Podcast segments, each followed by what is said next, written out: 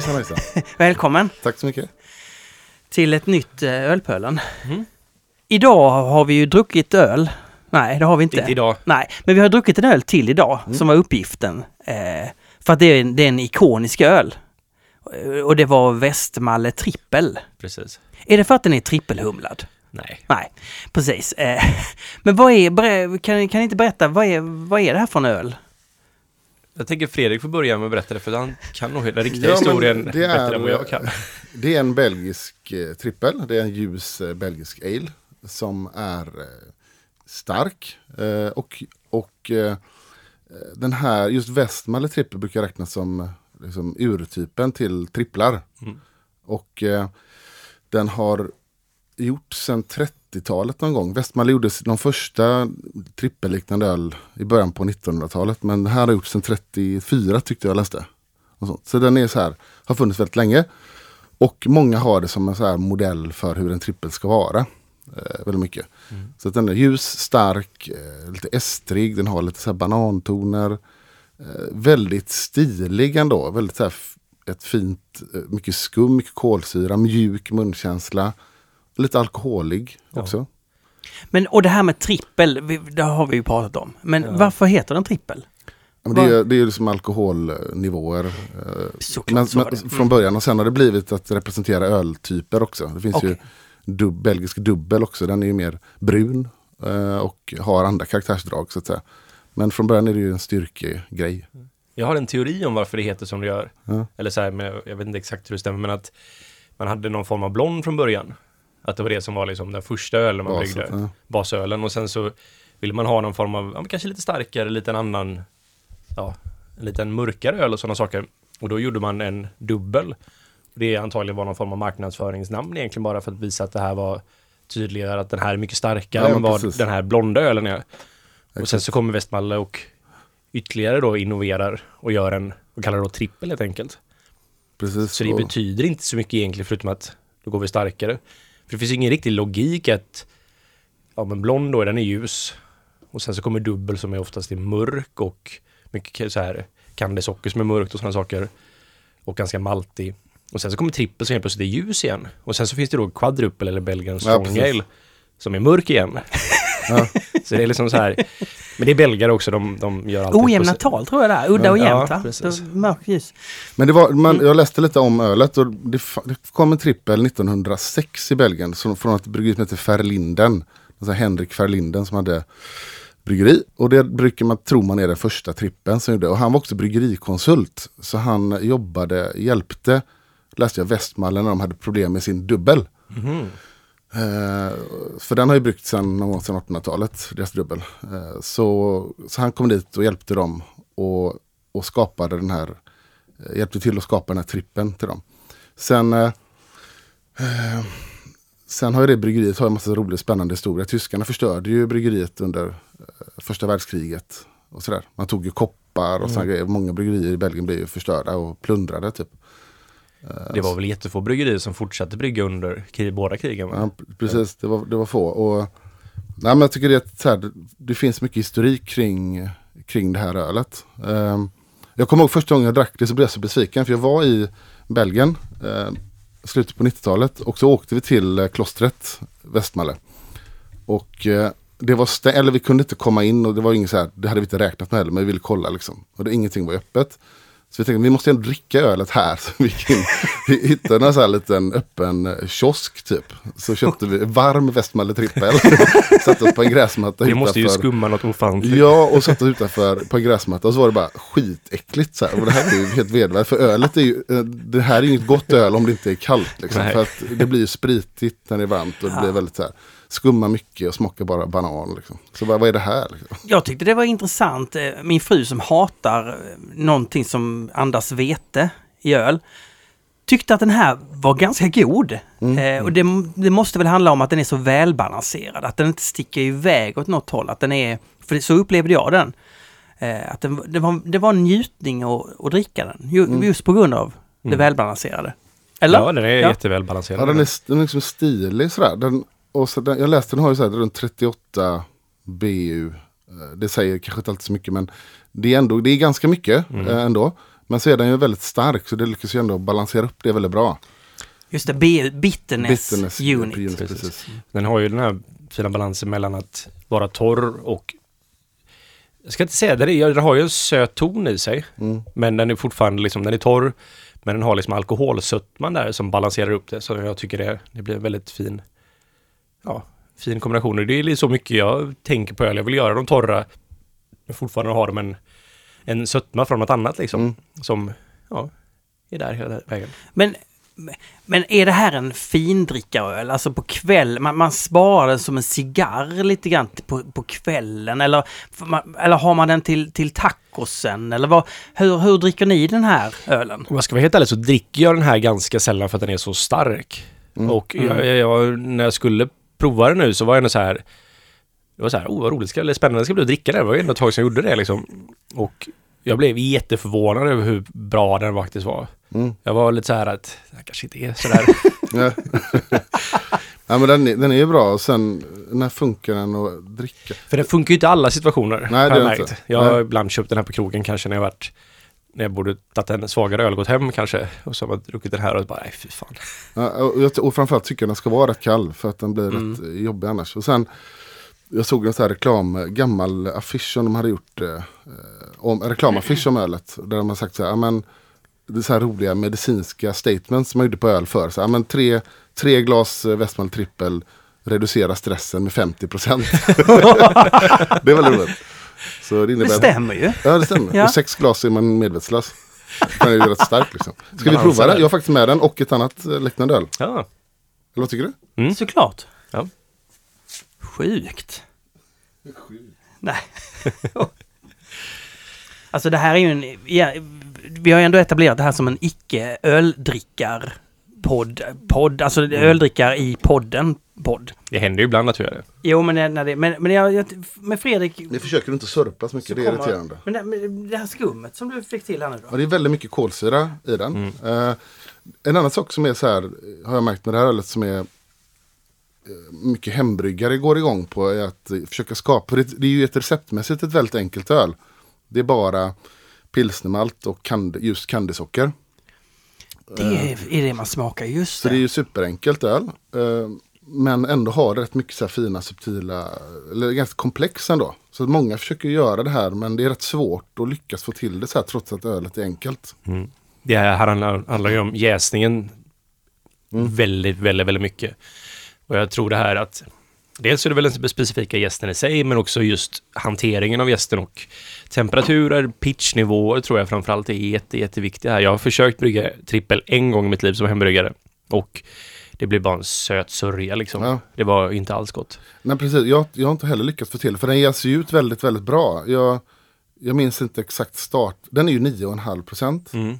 Och jag tror startvärdet kanske är, det var inte mycket mer än 10,80 eller så den är, Ja, Okej, Jag tror att den ges ut till 10, 10, eller 10,9 eller måste jag plocka fram min telefon för jag Något sånt. Plato. Ja, Plato kan inte jag. Men, eh, så att den jäser ut väldigt mycket, vilket gör att den blir torr Ja. Och liksom stilig samtidigt som den har alkoholhalten som ger lite eldighet till den. Varför pratar ni Plato nu? Varför pratar du Plato, Olle? Nu blir jag... Alltså, kommersiella bryggare som, som kan brygga, de pratar ofta Plato. Jag pratar så här eh, OG. världen Så det är hur mycket socker då Ja, som Ja. finns i ölen från början. den är ju ganska söt alltså. Alkohol, Det är alkoholen som ger Ja. den sötman. Precis. Som vi brukar säga. Men så finns det ju någonting som jag har fått upp ögonen mer och mer för så här i som, som är en form av söta eh, glykosider heter det väl? Jag är osäker. Nu blir jag osäker själv. Men vi, det är ju också sötman. Och det kan man ju få av... Glykosider. Ja, precis. Det Yes tillverkar det. Så att i vin har man det ofta när man pratar om sötman och sådär att det, det är det som är sötman liksom. Och sen... Eh, så jag, jag skulle kunna gissa mig att om de har en ganska låg pitchnivå på den här ölen till exempel, att gästen stressat lite grann. Och då kan man få till den typen av... Jaha. Eh, Du tror att det är det i den här? jag skulle kunna gissa mig till att det är det. Men eller säga, jag skulle, det, det skulle förvåna mig om det bidrar en del, hel del till sötman liksom. Det är en, eh, Ja, och, den, och sen jäser den, den jäser inte så mycket så här eh, trappistöl. Det är, ju- eh, trappistöl är ju ingen stil men det är ju en mer juridisk beteckning på trappistorden. Men många av de här ölen jäser ganska varmt. Men den här gör inte det. Jag tror att den jäser runt 18.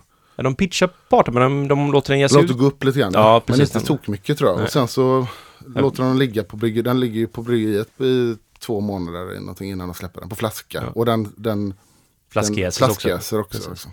Med samma gäst som basölet.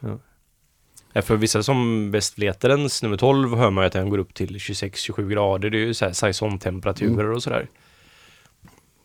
Prova den där nu. Jaha. Mm. Nu fick vi en annan här. Lite mer gyllene i färgen. Ja, lite, precis lite mörkare.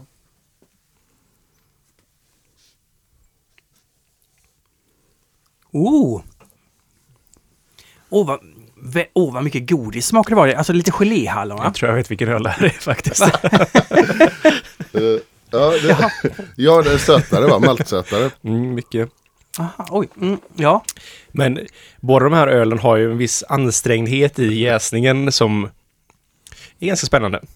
Så här, estrigt och lite mandelmassa-akt nästan liksom. Den här påminner ju om Västmalle, den här som vi fick in nu. Men eh, vad, vad, Den här- vad, vad vill du säga Fredrik? Ja, men, eller Olof säger också. Jag försöker Jag ju... inte ihåg, det här tror jag är Arboga någonting. Ja, det är Arboga 10,2 eller vad det heter.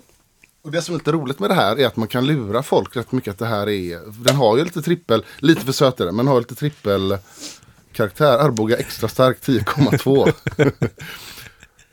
Och för den får ju lite samma så här, får lite alkohol, lite ansträngd alkoholtonen. Den har också lite mandelmassa, lite estrar. Men det här visar ju lite det roliga när man, att ett öl man, man bedömer ju öl mer efter stil och Arboga 10,2 kanske inte är det som man brukar köpa. Men det kan vara lite roligt att lura folk att det här är en trippel. Ja. Jag hade exakt samma tanke faktiskt när jag Ja, gick och köpte. Ja. Jag, jag har ju druckit Arboga, här, men jag har ju hört att den faktiskt har väldigt mycket trippelkaraktär. Ja. Så, men jag har aldrig riktigt jämfört dem bredvid varandra, men jag gjorde aldrig det faktiskt. Däremot så köpte jag faktiskt lite andra liknande öl, inte trippel, men jag köpte... Det finns ju även... Kolla min telefon snabbt. Ehm, Golden Strong Ale Mm. är ju en väldigt liknande stil. Ja. Och jag kan ju ibland känna som att, så här, att jag drar att de här två stilarna är samma öl egentligen för att det känns som att ibland så vill vissa bryggerier inte kalla det en trippel för det tillhör alltså trapistölens Mm. Marknadsföring lite grann. Mm. Men det är ju inte riktigt så. En Golden Strong är ju oftast ljusare, har ju mycket mindre maltighet och mindre sötma och är torrare liksom. Precis. Så jag köpte faktiskt Duvel och så köpte jag, eh, vad heter den? Local number one från Brooklyn. Ja. Som ändå är någon form av Golden Strong Ale. Och så jämför de med varandra liksom. Och Mm. Duvel är en öl jag gillar väldigt mycket. Men när man hade dem bredvid Westmalle trippel så blev den extremt tråkig. Det var, Det är så. ja det var faktiskt en, eh, Ja, för den har ju inte heller den, jag kommer inte ihåg, s- sekundärjäser den på flaska? eh, det tror jag den gör. Gör den den ska ju ha någon form av trippelfermentation. Tror jag det kallar, alltså så att den har någon form av, på bryggeriet, de gör ju ingen annan öl Duvel än Duvel. Eller den här, den heter bara Duvel va? Ja, och Ja. den så bara Duvel. Och den är, ju, den är ju lite, jag håller med att den är tråkigare än den här. Ja. Jag tror att Duvel bara har, den har ju socker också, men jag tror att det är inte kandisocker. Nej, det är nog bara vanligt socker. eh, socker. Kandisocker är ju, vad kallas det? Man har ju liksom kokat kandisockret så att det blir nya bindningar så att det blir större sockermolekyler tror jag det är. Mm. Nu är jag ute och gissar lite grann här. Jag kan inte heller. Men jag tror det är det att man har, försvinner namnet för mig, men när det blir bindningar med sockret och då får ju jäst kämpa lite mer med att bryta ner de bindningarna. Vilket så här, den äter ju alltid upp med lättaste fruktos och glukos. Eh, eng- eller så här, det är de de ger sig på snabbast och sen tar de här som är lite jobbigare liksom och då får den kämpa lite mer. Är det bra då? Ja, du får mer smak av gästen för gästen producerar andra ämnen då sådär. Faktiskt. Som kan vara goda. Men den här, ja, men Duell är ju väldigt mycket simplare. Den var alltså så här väldigt clean på ett Mm. sätt som och så har den här eh, alkoholen kommer igenom mycket, mycket mer Ja, också för att den, de är väl båda, om den här är 9,5 så är den på 9. För att den är nio. Ja. Mm. Men de, jo, de gör ju en till duell. Och det är väl den här singeljästa då, som de släpper på fat som är typ 6 procent. Sen gör de, inser jag nu, någon, någon Inte du torrhumlad? Ja, torrhumlad. Men det är nog bara den här som är torrhumlad, Ja, okej. eller vanlig duell som är torrhumlad. Men det är fantastiskt, det är ett jättebryggeri. Alltså jag har åkt förbi där på vägen till Antwerpen och man bara så här ser Västmalle ligger också i Antwerpen va? Ligger utanför Antwerpen. Ja. Och det är bara som att så här, du ser bara jästankar liksom till horisonten och nästan. Ja. Man bara, ja, ja, det där är en öl. Ja. Du, Ja. Olle, du nämnde candysocker. Ja. Hur ofta kör du med det? Eh, jag har faktiskt aldrig använt det i bryggning. Är du jag inte har, sugen, Jo, eller? jag är jättesugen faktiskt. Ja. Jag vill ge mig in i det belgiska träsket lite mer. Och den här har ganska mycket, den har 20 procent Ja. candysocker. Det är ganska mycket för Västmanland. socker i allmänhet Ja. liksom. Ja. Mm. Men och så hade jag den här eh, även local number one då, Brooklyns Ja. Golden Strong Ale som jag brukar tycka är väldigt, väldigt bra. Men jag hade de här liksom bredvid varandra så var det så här, jag hade lite svårt att definiera för mig själv vad det var som var så bra med Västmalle. Mm. Men det blev tydligt när jag hade då Duell som var liksom alkoholig, ganska smaklös. Men ändå, det är inget fel på den ölen, den är väldigt god. Låter inte jättebra. Ja, men Smaklös och alkoholig, men... Ja men i sammanhanget så här liksom. Ja, och sen så fanns då... Eh, hade vi, och så var det ju Local Number One som var helt plötsligt nu upplevde som jättespretig. Ja. Som liksom alkoholen störde, det var liksom... Det var, det var, ja... Smakerna var liksom inte liksom ihopkombinerade med varandra på ett gött sätt. Och så hade man Västmalle som bara så här satt som ett smäck där i mitten liksom. Det var verkligen eh, som klasskillnad på något sätt. Det var en komplett öl på ett helt Mm. annat sätt. Ja men den är fin. Och den, den har funnits på bolaget i fasta sortimentet. Försvann den för ett tag sedan. Och nu är den tillbaka. Jag vet inte om det är hur, mycket, hur, vanlig, hur många butiker den finns i. Det var Men, typ 70 butiker och sånt tror jag. Okej. 60-70. men det är ett, så här, ni pratade om det sist på, på, på podden om, om eh, att så här, klassiska liksom, eh, försvinner och att folk köper nytt. Och nyhetshetsen och man pratar om det här med eh, Ja, vad heter det? Den här kampanjen i USA, februari. Ja, ehm, vad heter den? För standardölen. Eh, Core Brands. Flagship February. Precis, ja. Flagship February. Men det här är ju också sånt eh, ja, klassiskt öl som är kul att den, man hoppas att den får leva kvar. Liksom. Man ska ut och stödköpa även den här. Man kan testa den, man kan dricka den ibland. Man Ja. kan byta ut en hazeburk mot den någon gång då och då. Kan det vara så här att eh, Västmalle blir uppköpt nu om någon vecka? Av något japanskt? Man vet aldrig, men man, Ja. tr- jag tror inte det. Det känns ändå hyfsat Alltså, tryggt med munkarna där. Precis.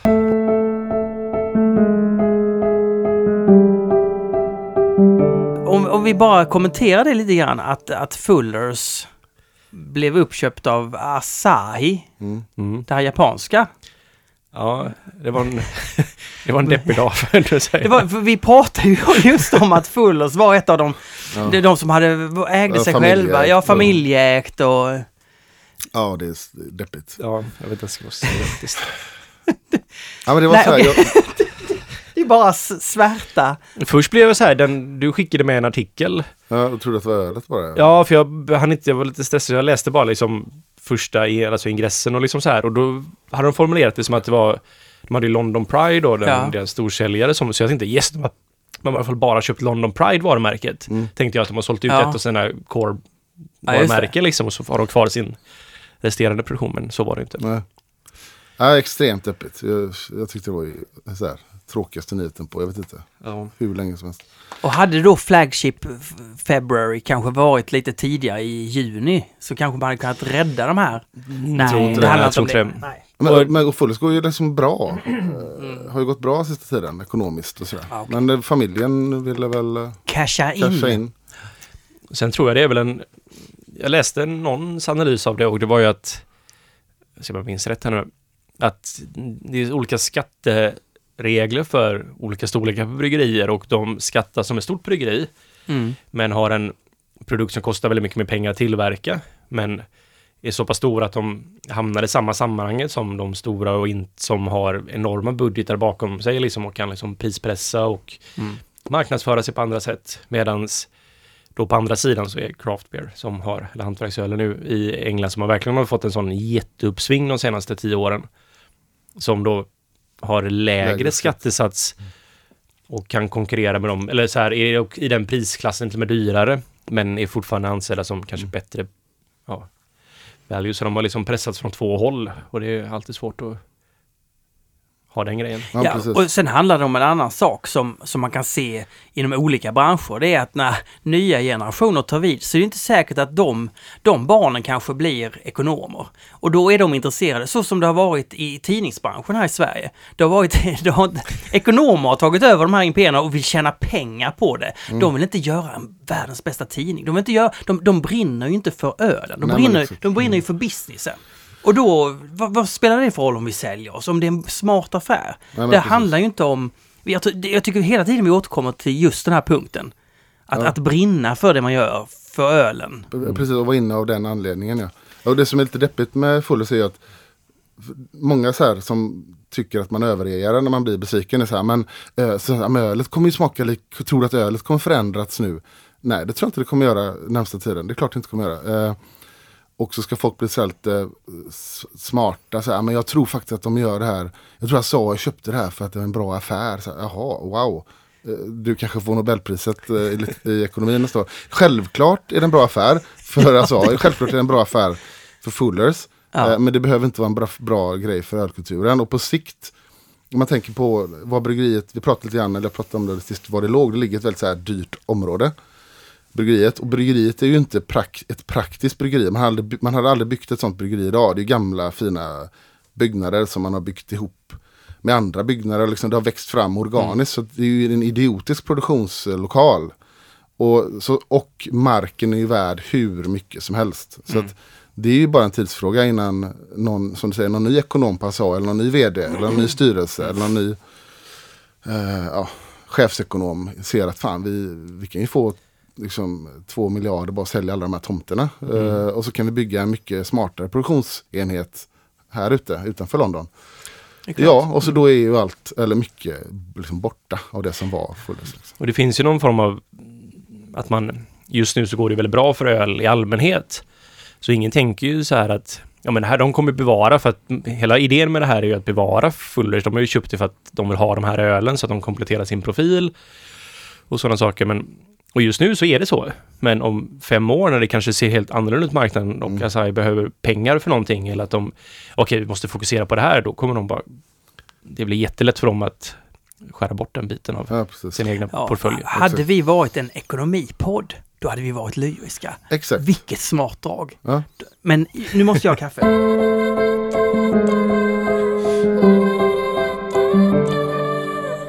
jag tänkte på Arboget. Eh, tio, om du, ska, vill du prova en gång till? Martin? Ja, ja, vill jag? Oh, vill jag, ja. Men det finns ju en rolig, jag tänkte det vi pratade om. eh, Det finns en rolig story kring eh, Arboga och som handlar om när ett varumärke blir så här hamnat i, får negativ publicitet. ja. så negativ publicitet det bara kan få. Kan få liksom. och det, 2006-2007 så var det så här en, en det var så här ganska uppmärksammat rättsfall. Det var en kyrkvaktmästare som, eh, som Surahammar tror jag, väl, var, jag vet inte var det ligger, men Surahammar som åkte dit för han hade eld, eh, bränt ner en kyrka. Och han hade försökt tända eld på ytterligare några kyrkor. Och han var även åtalad för, ja, vad heter det, väldigt hemska brottet när eh, griftefrid. Va? Ja. För han hade ju tillgång till liksom, eh, det här liksom, det rummet där kisterna finns innan. De ska, och i alla de här förhören som gjordes med honom så var han väldigt noga med att påpeka att han drack Arboga 10,2. Och, och det här skrev liksom kvällstidningen skrev rätt mycket om det här. Så det var så bara, jätte, alltså han blev så arg, så Arboga 10,2 mannen i, i princip. Så det stod, han drack jämt Arboga 10,2. ja. Och, och någon, av någon konstig anledning så hade tidningen tagit upp det här som en grej. De beskrev att när de var hemma hos honom och gjorde så här husrannsakan. Så var hela lägenheten var belamrad med Arboga 10,2. och, och det var liksom hans favoritöl. Han pratade om det i förhören hela tiden. Det var så här ganska rolig, konstig, konstig grej liksom. Och sen hade han åkt dit för att uh, försökt tända eld på en andra kyrka. Och då var han också noga påpeka, men just den gången hade han druckit Kopparbergs 10,0. det är ganska roligt. Hur gick försäljningen av Arboga 10,2 efter? Gick den i höjden Jag eller? vet faktiskt inte. Jag vet faktiskt skulle inte förvåna mig om den faktiskt gjorde det. Och när de frågade liksom vad, eh, varför han gjorde det här så han sagt att han ville ha lite fart och lite brandbilar. Var liksom hans eh, motivering. Så han sjöng, sjöng upp här. Så drick inte så mycket Arboga 10,2. Martin. Okej. Va? Eller? Nej.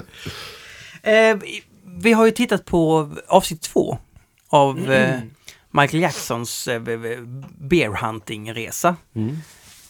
Eller hur? Ja, det har Ja, ja, ja. ja, Ja. Bra, bra. Alltså jag, jag, hade, jag hade till och med glömt hur skönt, lulligt och fint, alltså vilken fin stämning det är i Ja. programmet. Alltså, vad he- är det vallton som den här, in, eller alltså temamusiken ja. är gjord av? Det är ett fantastiskt instrument alltså. Ja, det är väldigt, väldigt brittisk känsla på. Jag, när jag kollade på det här så var det så här, jag måste lyssna på lite valltonsmusik efter. Nej, och, och igen får jag den här känslan av att det här det är så 70-tal. Jag fattar inte att det här är 89 eller Nej, det känns helt bisarrt. det är. helt bisarrt. Det ser ut som Ja. 70-tal allting. Ja, jag tänkte Ja. också på det att här, det här måste vara inspelat tidigare Ja. och sen släppt senare eller något sånt. Ja, jättekonstigt. Ja. Jag vet inte om det är färgåtergivning och sånt som är helt eh, konstigt med Men nu, nu, nu tog han ju iväg, nu var han ju i England. Och nu, det var precis som att han pratade om din dröm, Olle, med kar. Det var bara kasks och det slog i pluggar i, i, i fat, stålfat. Och, jag, jag tänkte bara, de rullade de här faten. Jag tänkte, får, man göra så med öl? Rulla runt ölen på det där sättet? Ja, det får man göra. Det får man göra. Ja. Ja, De är ju de är gjorda för att rulla. ja jo, jag, Det är därför de är runda, Martin. Men så tänkte jag också på hygienen. De, tar de här pluggarna och slår i dem liksom. Men, men det är klart, det var väl cap on foam där så att säga lite grann. Att det bubblar ut. Nej, snarare tvärtom. Man vill att det ska bubbla ut. Så först har man den här soft spile, som de kallar det, som är för att det jäser ju på faten. Och så Jäser på, man lägger ölen på faten. Innan det är riktigt klart. Ja, just det, så var det ja. ja. Och, eh, och sen vissa har jag också i socker och sådana saker. Men det är, den traditionella metoden är att ta det innan det är färdigjäst, eller i, eh, och bara fylla fatet och låta det fortsätta jäsa helt enkelt. Då är det Ja. kanske bra om man rullar runt det så att det faktiskt får lite så här Mm. aktivitet. ja och, Och sen den här softspilen då är ju till för att för att det bildas kolsyra. Mm. För att det ska vara för mycket kolsyra när du öppnar fatet, alltså tappar det. Så den här softspilen som är porös då, så den läcker ut lite kolsyra. Och sen så är det då källarmästarens uppdrag att veta när den ska softspilas, för det får man göra någon dag eller två innan kanske. Och sen då, så att den har liksom, kollar han, det var ju det de gjorde där i början på avsnittet, att de kollar så att det är liksom, ja men det här är en lagom nivå kolsyra. Men, kä, men källarmästaren, nu blir jag lite förvirrad. Var han på en, en pub? Precis. Så att egentligen, då kan man säga att källarmästaren på en pub fortsätter ju bryggprocessen. Han är ju med. Det är ju det som är, i och med att det är ju väldigt smart, det här har vi pratat om tidigare tror jag, det är en väldigt smart lösning engelska bryggeri gjorde i och med att de äger sina egna pubbar. Så Fullers, det var ju 180 pubbar de hade eller liknande, Mm, oj. som när jag läste om uppköpet här. Och så att det är en väldigt stor del av varumärket också, man äger pubbarna, det är ju en väldigt Ja. mycket omsättning bara på det. Men i och med att man kanske då som Fullers har ett väldigt dumt placerat bryggeri som är och vi har ju ett, så här, ett färdiglager och liksom Ja. vi har ju all ölen på tankarna men för att Mm. snabba upp processen så har de helt enkelt flyttat konditioneringen av ölen, alltså det här slutskedet som vi gör på bryggeriet Mm. ut till sina pubbar. Mm. Där den får mogna färdigt så de slipper ha ett helt varulager med Ja, ja, Mm. öl som är i sitt slutskede. just det. Men, Så den här källarmästarens, det var ju ett uppdrag som var ganska, den såg ju till att ölen kom på när den skulle och inte bli dålig och så det var ju liksom en extension av bryggeriet kan man säga. Och, den, och den rollen var ju så här ganska så här tung och eh, det var ju mycket så här stolthet i att kunna det här. Han gick ju ändå runt också. med slips den här unge Ja, killen där. precis. Det var, Just det, källarmästare, ja. Ja. Oj, ja. Eh, ja, men Ett så, utdöende yr- yrke kan man säga. ja, ja, och hela, hela liksom cast condition ale eller real ale. Det känns lite som att det är på gång igen, men det har gått så här i vågor. Det var ju stort eh, i England på, eller det höll på att dö ut kan man säga under eh, 80-talet. Eh, och då började de här Camera, Campaign for Real Ale, ni har säkert pratat om det tidigare. De började driva den här frågan i England. Som en, Jag tror faktiskt aldrig vi pratat om tag. Nej. ja, men det var som en, en konsumentorganisation som i England som ville bevara den traditionella brittiska Real Alen. Campaign for Real Ale Camera. Och real ale är samma som cask Cost ale. condition. Precis. Okej, ja, för vi har ju bara pratat Men om cask. real ale ja. kan även innefatta flaskjäst öl också. Exakt. Ah, Så både, okej, båda okej. ingår i, i Ja, liksom. ja, ja, Och det finns faktiskt även burkjäst öl nu för tiden. oj. Det är More bryggeri. Ja. Som är ett ganska nytt bryggeri, spännande bryggeri, gör väldigt bra humlig öl. Speciellt så här session. De startar nästan den humliga session-ölstrenden får jag säga faktiskt. Jaha. Men eh, med More Hop och Norhop de heter. Ja, Men- så det är, på gång, det är lite på gång igen känns det som. Ja, men de, de, har ju de har ju fått första certifikatet för Kamras Real Ale på burk. Så de börjar jäsa på burken helt Ja, enkelt. precis. Ja, och så de, så deras organisationen utbildade krogar eller pubbar Ja. om hur man ska hantera det här. Och de spred det här i sin tidning. Eh, de hade ett tag 50 000 medlemmar vet jag, i England. Ganska stor, relativt stor, kons, vanliga konsumenter. Då. Mm. Eh, men sen har det här liksom gått ner och de har fått mycket kritik också med rätta. För att de, de är ju, det har varit väldigt, väldigt konservativt liksom, kring vad som får vara. Nu tycker jag. Fredrik är mossig. Så. Ja, nej men exakt, och jag som kan tycka sånt är kul. Men ibland har ju de gått verkligen över någon form av märklig gräns. Liksom. Mm. Eh, så att man kan säga nu under 2000-talet så har rätt många av de här nya eh, brittiska bryggerierna som är mer USA-inspirerade, eh, och de här hypade brittiska bryggerierna har ju i början var ju de så här motståndare till cast condition. Jag skulle aldrig göra det. Det var många som tog avstånd från hela Ganska, ganska mycket avstånd också faktiskt. Mycket, mycket Oj, avstånd. jaha. Jag skrev bloggposter, bloggposter om det och grejer. Ja. Och, och, om- vilket man kan förstå. För om man är i London och går runt och provar cask ale så är det ofta jäkligt, det, ofta är det väldigt dåligt. Då måste man vara ärlig och säga. Om man, om man bara slumpmässigt går runt och provar det. Ja. Så av tio öl så tycker jag personligen kanske två är jättegoda. Va? Fem, eh, fem är okej och tre är liksom eh, dåliga. Så Jaha. det är rätt varierande kvalitet. Eh, och det beror ju också på att kanske kunskapen om hur man serverar det inte är hundra. Sådär. Men nu så händer det lite grann. Jag märker Men jag tror också det har blivit någon form av slentrianproduktion bland många bryggerier som Ja, bara precis. kör på i samma lunk och det är liksom den här yrkesstoltheten kanske inte finns där utan man bara man håller kvar vid någonting och så bara gör det som att ja, det har vi alltid gjort det här. Nej, exakt. Och, och de här och krogar som inte liksom, bryr sig om hur de ska servera det och inte kan det riktigt. Så att det hinner bli dåligt och sådär. Eh, och därför har de också gjort den här Cask Mark. Har de gett ut Cameron. Det är en, en, en, någon som, en eh, certifiering som krogar får på sin dörr om de kan hantera real ale. Så i Sverige är det ju några som har det som Oliver Twist och Akkurat. Och, Mm. Jag tror det är de två som har det. Ja, om det inte är en tredje också, de här. Jag är osäker. Eh, så, så i Sverige, de ställen som har det, de kan ju det. Det brukar vara bra liksom. Mm. Okej. Men nu känner jag på gång att de även trendiga brittiska Ja, faktiskt. Det är som bryggerier du brukar börjar göra. Ja, börjar göra okej, cast ja. condition ales nu. Jaha. Det är ju, eh, allting går ju full circle någon gång liksom. Men... Ja, för nu, nu fick vi verkligen gotta ner oss i kask. Alltså, det jag tänker på är att han, Michael Jackson besökte den här, den här mässan, ölmässan eller ölfestivalen som bara var real ales. Är det, är det en festival som fortfarande finns eller vet ni det? Ja, men var det inte Great British Beer Festival? Jo, jo, Jo. det finns kvar. Ja, visst går det. Jag har alltid velat åka dit men aldrig. Och den, den är, får se likadan ut fortfarande gissar jag Den är, då? Eller? väldigt, den är mycket större idag. Ja, Eh, men det är bara real ales på den? Nej, de har även barer med annan typ av, de har någon så här belgobar. Och, De har så, det? Ja. så det är inte bara relays, men eh, på, eh, på den festivalen. Men, men det är fokus på det. Mm. På relays. Finns det en enbart real ale festival? Det vet jag faktiskt inte. Det gör det säkert. Det finns ju, jag vet ju i alla fall att Canberra har en massa små festivaler runt Ja, om på jo. landsbygden såklart. Men jag vet inte om det finns någon renodlad relay festival i London typ. Jag är osäker på det. Men jag har alltid velat åka på den. Har du varit där? Jag har varit där för en gång, länge sedan. Det var, det var kul och det var gott, men det, det är inte som att det, det är inte som att gå på de här festivalerna i Europa, med nischfestivalerna, när man får tre centiliter av någonting. Utan här är det så här, det är half pints liksom, som minst. Som. Var det då i vart fall.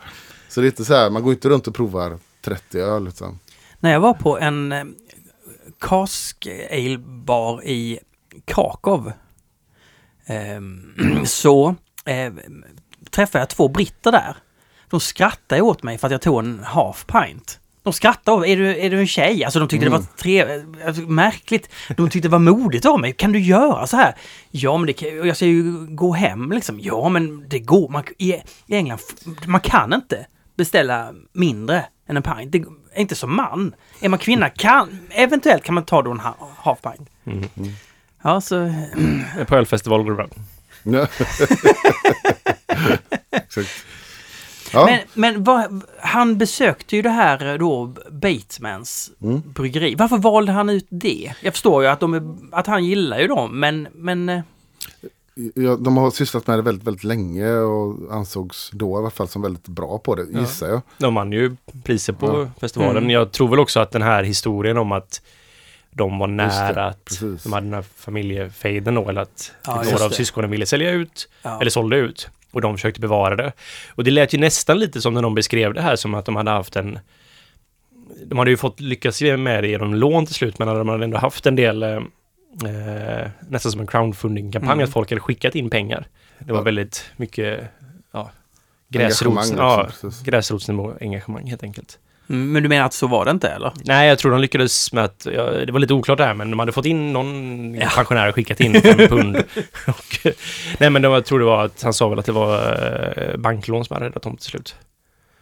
Ja, tror ni inte vad Michael Jackson sa? Den här storyn håller inte. Kan ni berätta någonting som gör att det blir lite hjärta i det här? inte att ni bara fick ett banklån. Uh, ja, mm. Men nu börjar det komma en del svenska bryggerier som gör, eh, jag tänkte på Cask Condition också. Mm. Uh, Jaha, vilka då? Eller vadå? Vega gör det. Alltså nu har ju Ocean alltid gjort det ganska mycket. Jaha. Det har inte hamnat så mycket i Göteborg dock. Jag har ju gått till Akkurat och Oliver Twist. Bearsmith har gjort det. Jag gör det.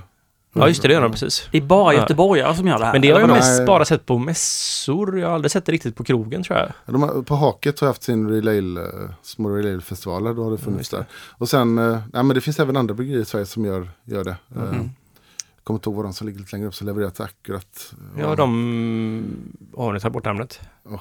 Skebo. Skebo, ja. Jag gör det och... Jättebra öl, för det bästa. Undrar om inte Närke har gjort det också? Eller en del. Det har de nog gjort. Ja. Sen så vet jag att Stockholm Brewing var, gjorde det för några år sedan också så här. Ja, till mm. och från liksom. Men det är ju sin linda och, och ska man om man tänker de här riktigt konservativa kameragubbarna. Om de hade sett hur det görs här då hade de sagt att det är inte riktigt på riktigt. Nej, att, det har de inte gjort. vad, vad, man gör, jag ska inte säga alla gör det, men många gör det här i Sverige. Det är så man tar ölet från tank liksom, samma dag som man har sin, eh, sitt event på krogen och så så som man gör med all, all hantverksöl typ. Och så åker man dit och serverar det men med handpump att man inte använder kolsyra. Det är, en, det är, en, det är bara den skillnaden? Alltså ja, man... då blir det ju den skillnaden. Medan om man ska tänka väldigt så camera eller traditionell cask då ska det ju ske en fermentering på fatet. Liksom. De hällde ju i någon vit sörja. Ja, Vad var det? Glass. Vad var det? Fiskblåsa. Mm. Det är ett klarningsmedel det är som gelatin Aha, kan man säga. Så gelatin okay. eller isinglass är de traditionella och jag tror isinglass är mycket, mycket mer effektivare.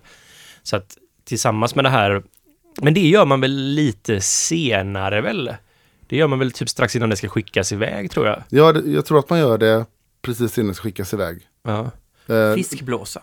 Precis. Mm. Ja. Fast nu, nu, har man nog övergett det mer och mer för att folk som är... Inte i cast scale faktiskt. För det är fortfarande ja. det dominerande. Okay. I England i alla fall. Det är Alltså det som finns annars är ju att man har typ i, i USA kallas det biofine, här finns det något som heter spindazol. Det är ett så här kiselalger extrakt typ som man använder för klarning av öl. Jag är mm. inte någon expert på klarning av öl. Men jag har faktiskt börjat använda det dock. Men äh, det är liksom, det kanske du inte vill ha i botten på ett fat när du serverar det. Du ska ju inte få med det i ölen men ja, Jo, men det, men det är ändå intressant med det här, det här Batesmans bryggeriet. Var, hur är de, de finns väl fortfarande idag va? Jag tror, jag tror att det fortfarande är fristående familjeägt. Jag googlade på det. I, ja, jag igår, fick, gick in på hemsidan. Den ja. var, så de ja. är nog fortfarande igång och, och är fristående. Jag tror det. Jag tänkte faktiskt på en sak. För de gjorde ju den här Victory-ölen då som var med ja. och räddade dem som var någon form av kampanj liksom för att eh, och det såg ju väldigt mycket ut som ölmärket Victory i USA. Just det. Ja. Så jag funderar på om de hade snott det. För att dels så hade de ju, det stod Victory, sen så hade de V då liksom, mm. längre ner. Och, Aha, okay. Så att det var ju som att, hmm, det här är väldigt likt loggan till Victory Brewing då, ett väldigt bra bryggeri i USA. Ja. Mm. Blir inspirerad kanske. Ja. Ja, ja, ja. Mm. Det kan vara en slump också. Ja, och, men okej, okay, så nu var han alltså i Eng... Han var i Kalifornien, så nu var han i England. Alltså, fick ni någon eh, ny känsla eller när, när, ni såg det här nu? Eller reflekterade, eller göttar ni er bara? Ja, så här var det förr i tiden. Man måste ha bryggt hundra år tillbaka i tiden, då brygger man riktig öl och så vidare. Det, det, den känslan. Alltså jag såg mest bara att det finns mycket paralleller till idag också.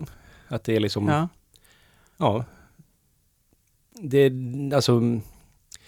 Hantverket som fanns då är ju hur folk tar en ny typ av öl lika seriöst i stort sett. Så vi kommer ju säkert komma in i någon fas av när vi får ha, eller kommer uppleva samma sak, att många bryggerier som har varit små fristående kommer ja, hotas av att köpas upp av andra och att det kommer behövas liksom konsumentorganisationer som lite räddar kulturen och sådana saker.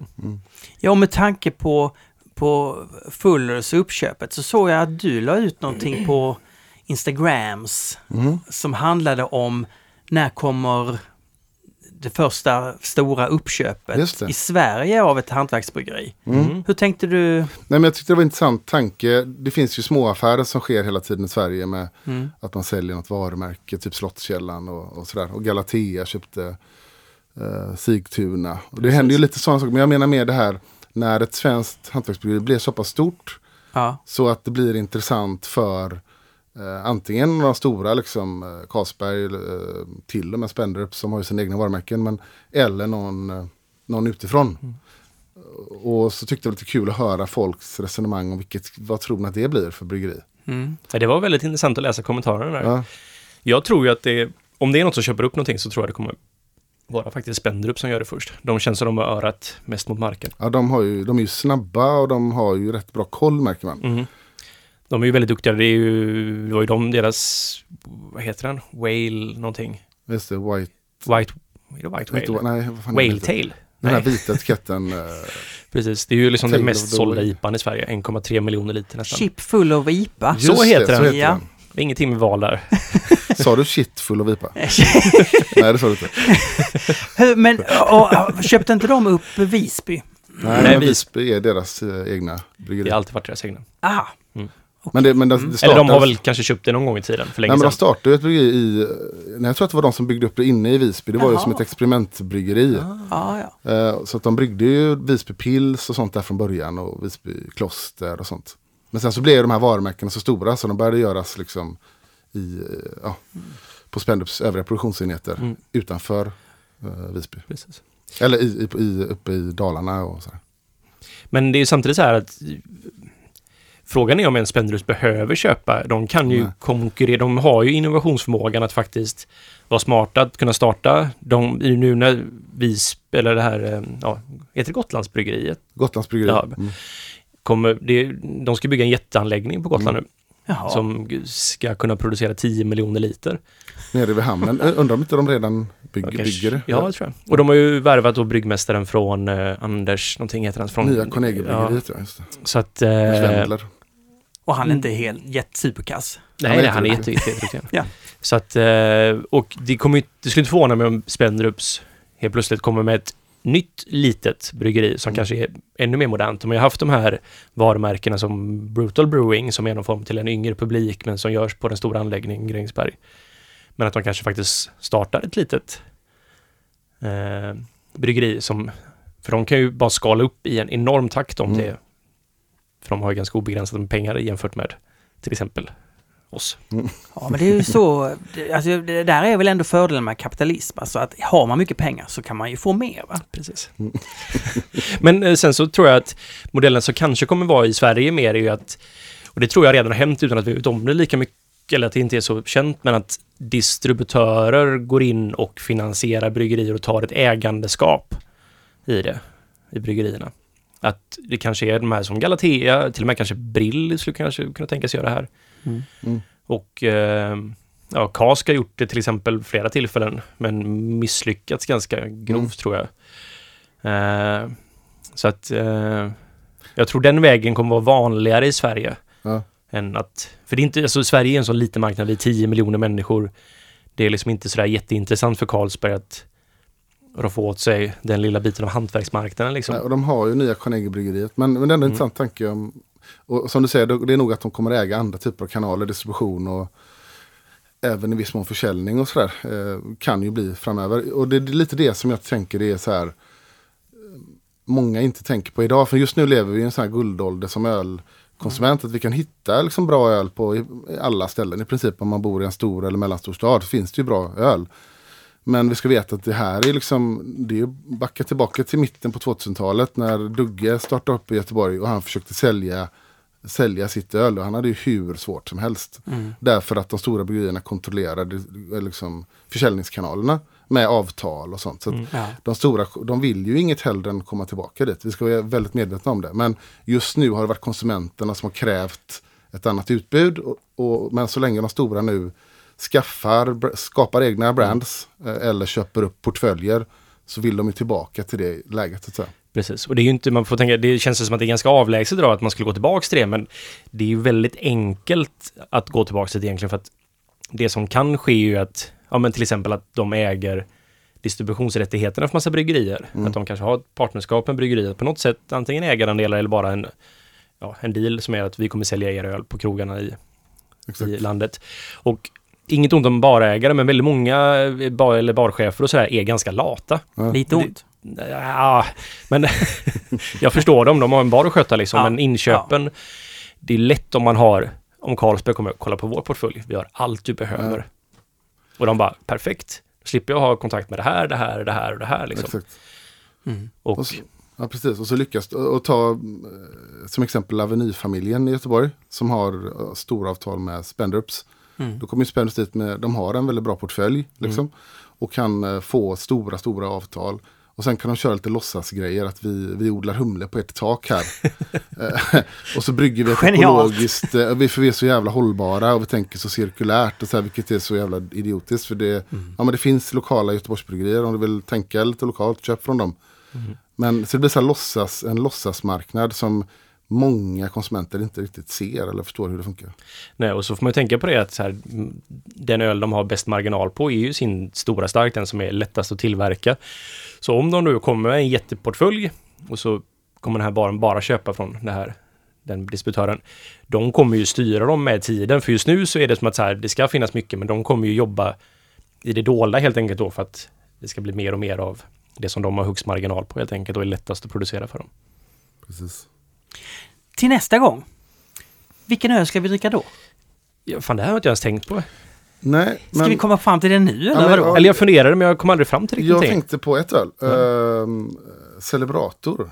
Finns det? Dubbelbocken? Ja, det finns på ganska... För jag tänkte Tyskland, men jag tänkte vilka öl är bra som finns från Tyskland på många systembolag. Celebrator är en jättebra. Det är det. Celebrator? Ja. Celebrator dubbelbock. Ska vi, Ja. Ja. ska vi säga det eller ska vi kolla hur det finns? Kolla hur den finns först. Ehm, Men jag tror den finns på rätt många faktiskt. Det är inte... Jag tänkte annars att man skulle ha någon form av. Hefeweizen, för de finns på rätt många. annars kan vi ta det ja. Ja. Vi har gått från England till eh, Belgien Vi rör oss söderut liksom. och så in i Tyskland. Mm. ja. Mörkaste Bavaria. Oh, Tyskland ändå är det va? Franconia-delen av Bavaria som de ligger i Ainger? Hur långt ner? Ja, det För ligger väl... Franconia är väl norra delen av Bavaria? Typ. Det är norra delen av Bavaria. Och jag för mig att, jo men de ligger väl, jag, jag vet inte exakt var de gränserna går, men nära i vart fall.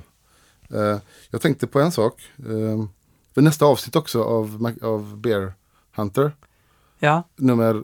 tre. Har du kollat i förväg vad det är? Nej men jag såg bara vad det var. Och det var eh, och det känns ju tråkigt att ha som ett öl här. Men det, det, då är han på Pilsner. Han är i Tjeckien, i Prag. Mm. eh, och besöker ställen och det är mycket uh, Urquell och sådär.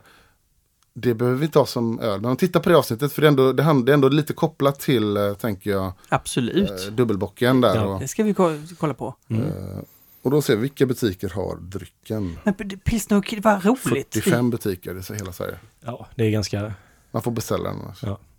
Ja, celebrator till nästa vecka. Ja. Precis. Tack för den här gången Fredrik. Tack så mycket. Det hände ju en superskoj grej. Och det var ju att vi rant, i förra avsnittet så rantade vi om viktigheten att vara äkta och kunna sitt hantverk. Att det är, man, måste, man måste veta hur man gör en kåldolme i grunden. Man kan inte bara göra en ny kåldolme utan att veta det. Det är fruktansvärt! Och då fick vi en sån riktig lavett av Jagge på, på eh, en kommentar på, på Instagram som jag tycker man ska gå in och, och läsa. Jag tycker vi kan läsa upp den faktiskt, för jag tyckte den var så pass bra. Ja, alltså... eh, d- Ja, vi drev åt ett gubbhåll väldigt eh, effektivt skulle jag vilja säga. Ja, vi trissar väl upp varandra lite grann, kanske. Ja, eh, lite grann kanske va? Mm. Ska vi se här, eh, Olpoolen, Olpoolens Instagram alltså. Eh, var det under den här? Ja. Eh, ja, alltså. Då Garmon Bosia Brewing. Det här är alltså Jagge som har varit med och spelat in ölpölen tidigare när vi har haft smakprovningar, båda gångerna. Tack för ännu ett bra avsnitt. Vill dock ranta lite. Jag håller verkligen inte med om att snacket om, man, om att man måste kunna sin historia. Sicket bullshit alltså. Fattar vad ni menar såklart, men om alla skulle tänka så så skulle utvecklingen gå extremt långsamt. Är det inte bättre att göra det man tycker om istället för att känna sig tvungen att beta av massa gammal historia om man inte vill? Har hört det där pratet många gånger innan, inte minst när jag pluggade musik. Det finns musiker som inte kan hålla takten, men som är grymma på att spela intuitivt och fritt till exempel. Det går ju inte att säga till en sån att hen måste kunna behärska swing innan man kan spela punk. Detsamma tycker jag gäller all konst, men även öl och liknande. Det måste väl ändå vara slutprodukten som räknas och för att det ska bli bra så krävs bara en känsla för smak och en förståelse för råvarorna, inte kunskap om historien. Men som Fredrik sa, det kan vara bra.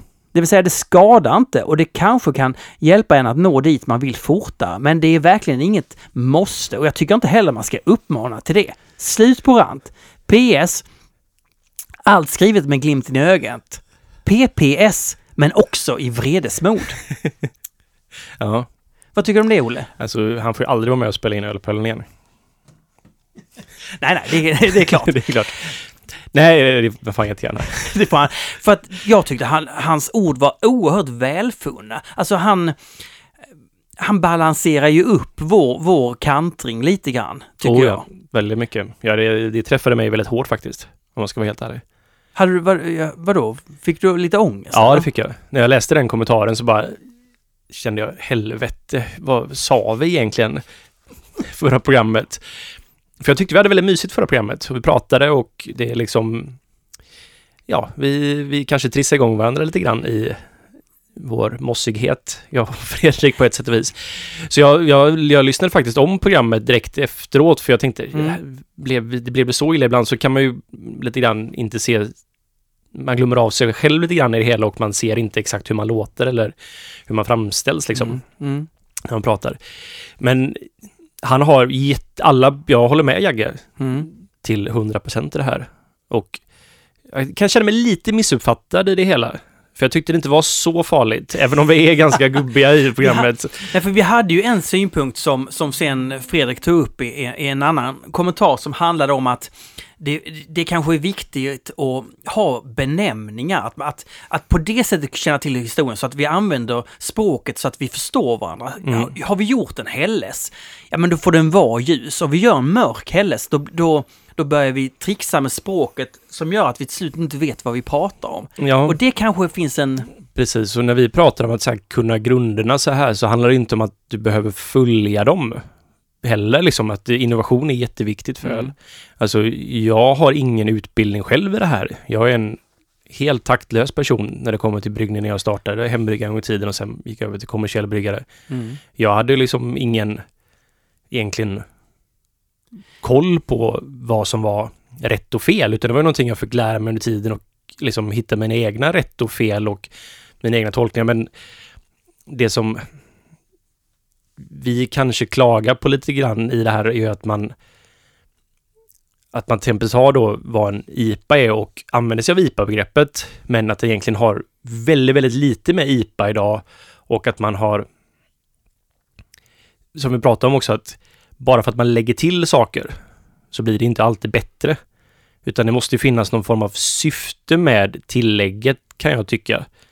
Och idag så kan de här tilläggen kännas liksom historielösa och att de är...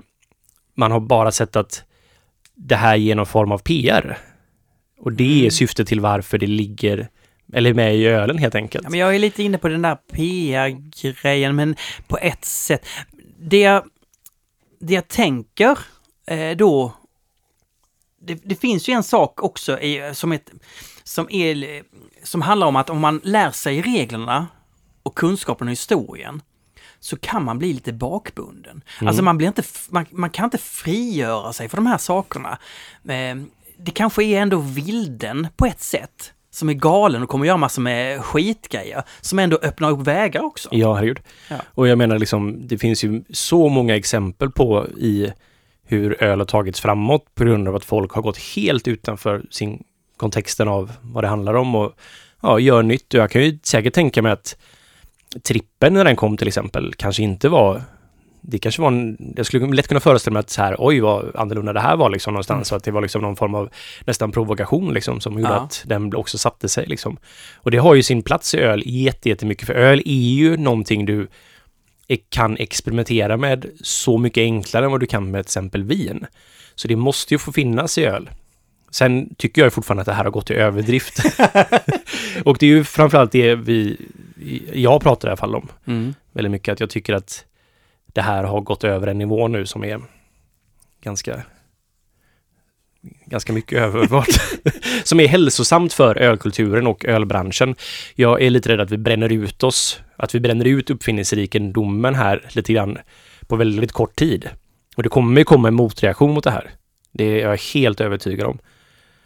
Så att om man ska fortsätta med musiktermer så är det här liksom som att just nu så är vi inne, jag tänker att när, så som jag ser öl så var det min nisch, var, den var så här, öl var perfekt för mig, det var min subkategori av musik liksom, Mm. som talade till mig jättebra. Nu har öl utvecklats till någonting annat som inte är riktigt min nisch och då kan jag bli lite grinig över det. som det oftast händer med liksom att man kanske har sina i 20-årsåldern där så tycker man väldigt mycket om en viss musik och Ja. sen så när man blir lite äldre så har en ny generation kommit och gör någonting helt annat med det. Och det är inte fel, men det är inte vad man själv var van vid liksom. Men det som jag kan tycka nu är som att så här, någonting som jag tyckte väldigt mycket om på flera plan, har det är som EDM-musik ungefär. Mm. Nu liksom så här så att det som var det populäraste och det bästa inom det här har gått över till att bli någonting ganska skräpigt på många sätt och vis. Det är liksom Ja men det är som att alla bara lyssnar på EDM helt plötsligt. Där det är 50-11 drops i en låt. Typ. Mm. Så känns det lite öl just Så nu. känns det. Ja, det är inte, det är inte lätt att leva så att säga. Nej. Nej. Du, Men äh, Jagge har ju helt rätt. Alltså det är, du behöver inte kunna grunderna för att göra bra öl. Det är liksom inte det det handlar om. men vi hytter ändå lite grann med. Olle, Mm. Hur går det på, vad gör ni på OO nu? Vad, vad händer? Blir det någon utveckling? Eller vad Ja, det tycker jag. ty tycker du? Jo, Gör ni men- någon ny öl eller? Eh, ja, vi ska eller? släppa en öl nu. På Ja. måndag ska vi paketera Bangatan på burk. Men du, en Mm. kine, äntligen en kinesisk öl. Bangatan! Eh, Indisk skulle jag med säga. Men, Indisk? Ja, indisk. Ja. Alltså lite indisk pale ale, eller? ja precis. Säger det, säger det. Ja. Mycket humle och sådana saker i. Nej, Jo. nej, ja. Nej men det är mm, den... ehm, Men har ni gjort den tidigare? jag har gjort den tidigare, lagt det på fat. Jag var, inte, jag var nöjd med ölen men på ett sätt, men inte nöjd på ett annat. Jag tyckte humlen blev väldigt eh, nedtonad, vilket är konstigt för det var väldigt mycket humle och det var ju då mina favorithumlesorter. Ja. Vilka då? Eh, Mosaik Citra? Ja, gissa mer. Två till. Eh, Mosaik Citra, dina favoriter, eh, vilka? Simco? Jag Simco var med. Ja, och eh, Enigma. Nej, Nelson. Nell... Såklart. Klart. Nej, Enigma, det gillar du inte alls va? Men... Du hatar eh, den. Ja, jag, jag gillar Enigma men konsumenterna verkar inte gilla Enigma. Just det, det är den! du hela tiden, den är visst god! Okej, men ni gör Bangatan och ni har satt den på burk. ja, precis. Jag ska sätta den på burk här nu. Ni gör bara burk. Nej, vi gör flaskor också. Gör ni flaskor? Ja, men vi har går över till den humliga ölen ska läggas på burk här nu. Ja. Så att, ehm, nej men det, det, det ska bli väldigt, för nu har jag gjort om receptet, så vi har faktiskt gjort en batch redan då och ska ta ut den andra här nu då. Och den, nu är den bättre arom? Ja, mycket bättre, för jag tog bort Simcone faktiskt från den. Eh, för att, så det är bara musik sitter Nelson som en. Så Wow. den gamla GBGB Week-receptet fast. Åh helvete! Ja. Vad det kan ju slå åt olika håll när man Ja. gör sådär. Eller? Men det, var, men det är mest för att jag, jag har lite, jag har en väldigt stor påsvariation nu i Simcon har märkt nu. Så att det är liksom som varannan påse är väldigt bra och varannan Oj. påse är så här, mm, det här var mest örtigt och kryddburk liksom så här. Ja, Alltså, och det är, jag har märkt att Nelson ofta blir det på slutet av året, för nu är det så här, vi ska väl få den nya skörden här nästa vecka Mm. eller veckan efter kanske. Och då har man ju liksom den, det är en ganska gammal humle man har. Vissa humles, det här har vi nog pratat om tidigare, men vissa humlesorter håller bättre har jag märkt. Typ mosaik kan använda två gamla mosaik och den är jättefin. Medans till exempel Simco på slutet av året ofta får lite, den tappar den här friskheten som man vill ha med Simco, den här lite krusbär, lite ja, talligheten och det här, utan det blir mer bara örtigt liksom. okej. Ni- Men Mm. ja, på burk, eh, Bangatan. Ja. Men, Men ja, jag, ja, men ja. jag är väldigt exalterad över det här faktiskt, för jag, dels har vi en väldigt fin etikett. Vi börjar med en liten en ny form av liksom lite mall för hur våra etiketter kommer att se ut. Ja. Men eh, också så själva ölen är någon form av den ultimata IPan lite grann är tanken med det. Nej men så här, den är 7,5 så den är väldigt stark. Den gränsar ju nästan mot en dubbel-IPA då liksom. Oj. Och så ganska bra med beska också. Plus då ehm, en kombination av humle som jag verkligen tycker. Och just nu så är Nelson väldigt, väldigt bra så att och vi har ändå en ganska stadig tillgång på Nelson så vi hoppas kunna brygga den här hyfsat ofta Oj. helt enkelt. Och ska den in på... Nej, du ska bara sälja den till krogar. Nej, nu, den ska in på Systembolaget på ett sånt exklusiv lansering. Så det blir, eh, jag kommer inte ihåg hur många burkar- det är nu men i mars kommer det i alla fall. Ja, okej. enkelt. Ja. Mats, Och, ja, men och du, är det inte så att den här eh, är lite en hyllning till den här restaurangen, eller? Jag vet, eller? Nej? Bang menar du? Ja? Nej, inte Det hyllning. inte, Det- Nej, det är, det är en hyllning till din barndom ju! Ja, det är ju Ja, Barngatan. Det är, ju- det är din barndom. Bang ligger på Barngatan Ja, visserligen. jo, så det har ingenting med det. Nej, det så, ja, ah. Så, nej men när vi var små så, så var, sa man Bangatan istället för Barngatan. Jag är uppväxt på en gata precis bredvid Barngatan. Genialt. Och jag Genialt. tycker det, jag har ju ägt barngatan.se här i, sen jag var 18. Såklart. Du, och din, och din, eh, din eh, kollega, din bryggare, kollega. Olof? Nej. Nej, nej. Utan ehm, hur... ha- Erika. Har hon lärt sig allting om humlig öl? Det hon kunde redan. Ja, hon kunde väldigt mycket. Hon ju- det handlar ju mer om att jag behöver inte lära henne någonting om bryggprocessen i sig liksom, eller så. Utan det är Men du snarare... ska väl lära henne att tycka om eh, den ultimata humliga IPan? Ja, och vi, alltså det märker jag ju så här, vi har ju ganska liknande smaker, men hon tänker mer analytiskt Oh. över ölen. Vilket jag Nej, är väldigt, ja, jag gör inte det så mycket, utan jag går mer på någon, det är lite mer känslobaserat och att någonstans helheten är jag nöjd med mer än att Mm. så här, den här biten, den här biten, den här biten. Så det är väldigt roligt att diskutera med henne om så här, hon kan Ja. dekonstruera en öl mycket bättre än vad jag kan Men du- smakmässigt. Då säger jag så här som alla troende är. Vad är en troende? Alltså om man tror på någonting, om vi- säger den kristna tron. Jo, de är ju mystiker. För är man inte mystiker, alltså att det, vad är man när man är mystiker? Jo, man tror på vissa saker som man inte vill få förklarat. Det vill säga, för det gör att det blir magiskt och mystiskt. Eh, och tar man bort mystiken så kan man inte vara troende. Och jag tänker, det, finns det inte en risk här att din tro, att hon kan dekonstruera den, sätta den i olika fack, analysera och även om det är intressant så kan, ja, själen, hon, hon plockar ur själen ur dig och du blir ett tomt tekniskt skal. Eh, jag tror det är svårt att göra det faktiskt. Nej men det, är väl, men det är ju bra att ha komplementet liksom. Jag menar, din tro är stark. Min tro är stark. Ja, Okej, Ja. okej.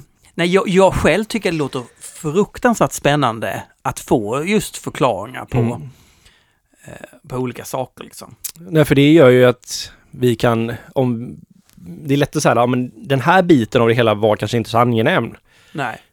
Vad kan vi då göra för att göra den bättre liksom? Mm.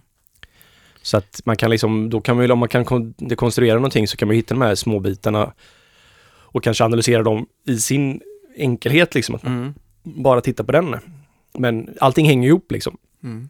Så om man ändrar någonting för att göra den bättre så kanske något annat förändras. Så att helheten ändå inte blev bättre liksom.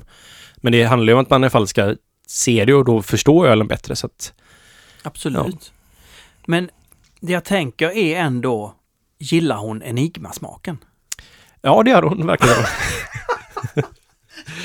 Det finns det två personer? Nej, Nej, men det alltså, är många som tycker om Enigma så sett. jag brukar kalla den för lite dieselaktig. Ja, men den har lite Nelson-toner liksom. Det, det stämmer faktiskt. Det, något av det svåraste Mm. Som finns är att kunna definiera smaker. Eh, nu på, på Stigberg så har vi börjat med eh, analys av all öl, alltså provsmaka den och betygsätta alla delar i den. Mm. Och jag försöker ju kom, kommentera vad de, vad de smakar liksom. Eh, och jag, jag skriver väldigt ofta diesel. Ja, Jag skriver gräs. ja. Och det, jag, jag tänker så här, det är nog När du säger fel. gräs menar du det som växer på marken då? Ja, Ja. det, det gör jag. Ja. Ja.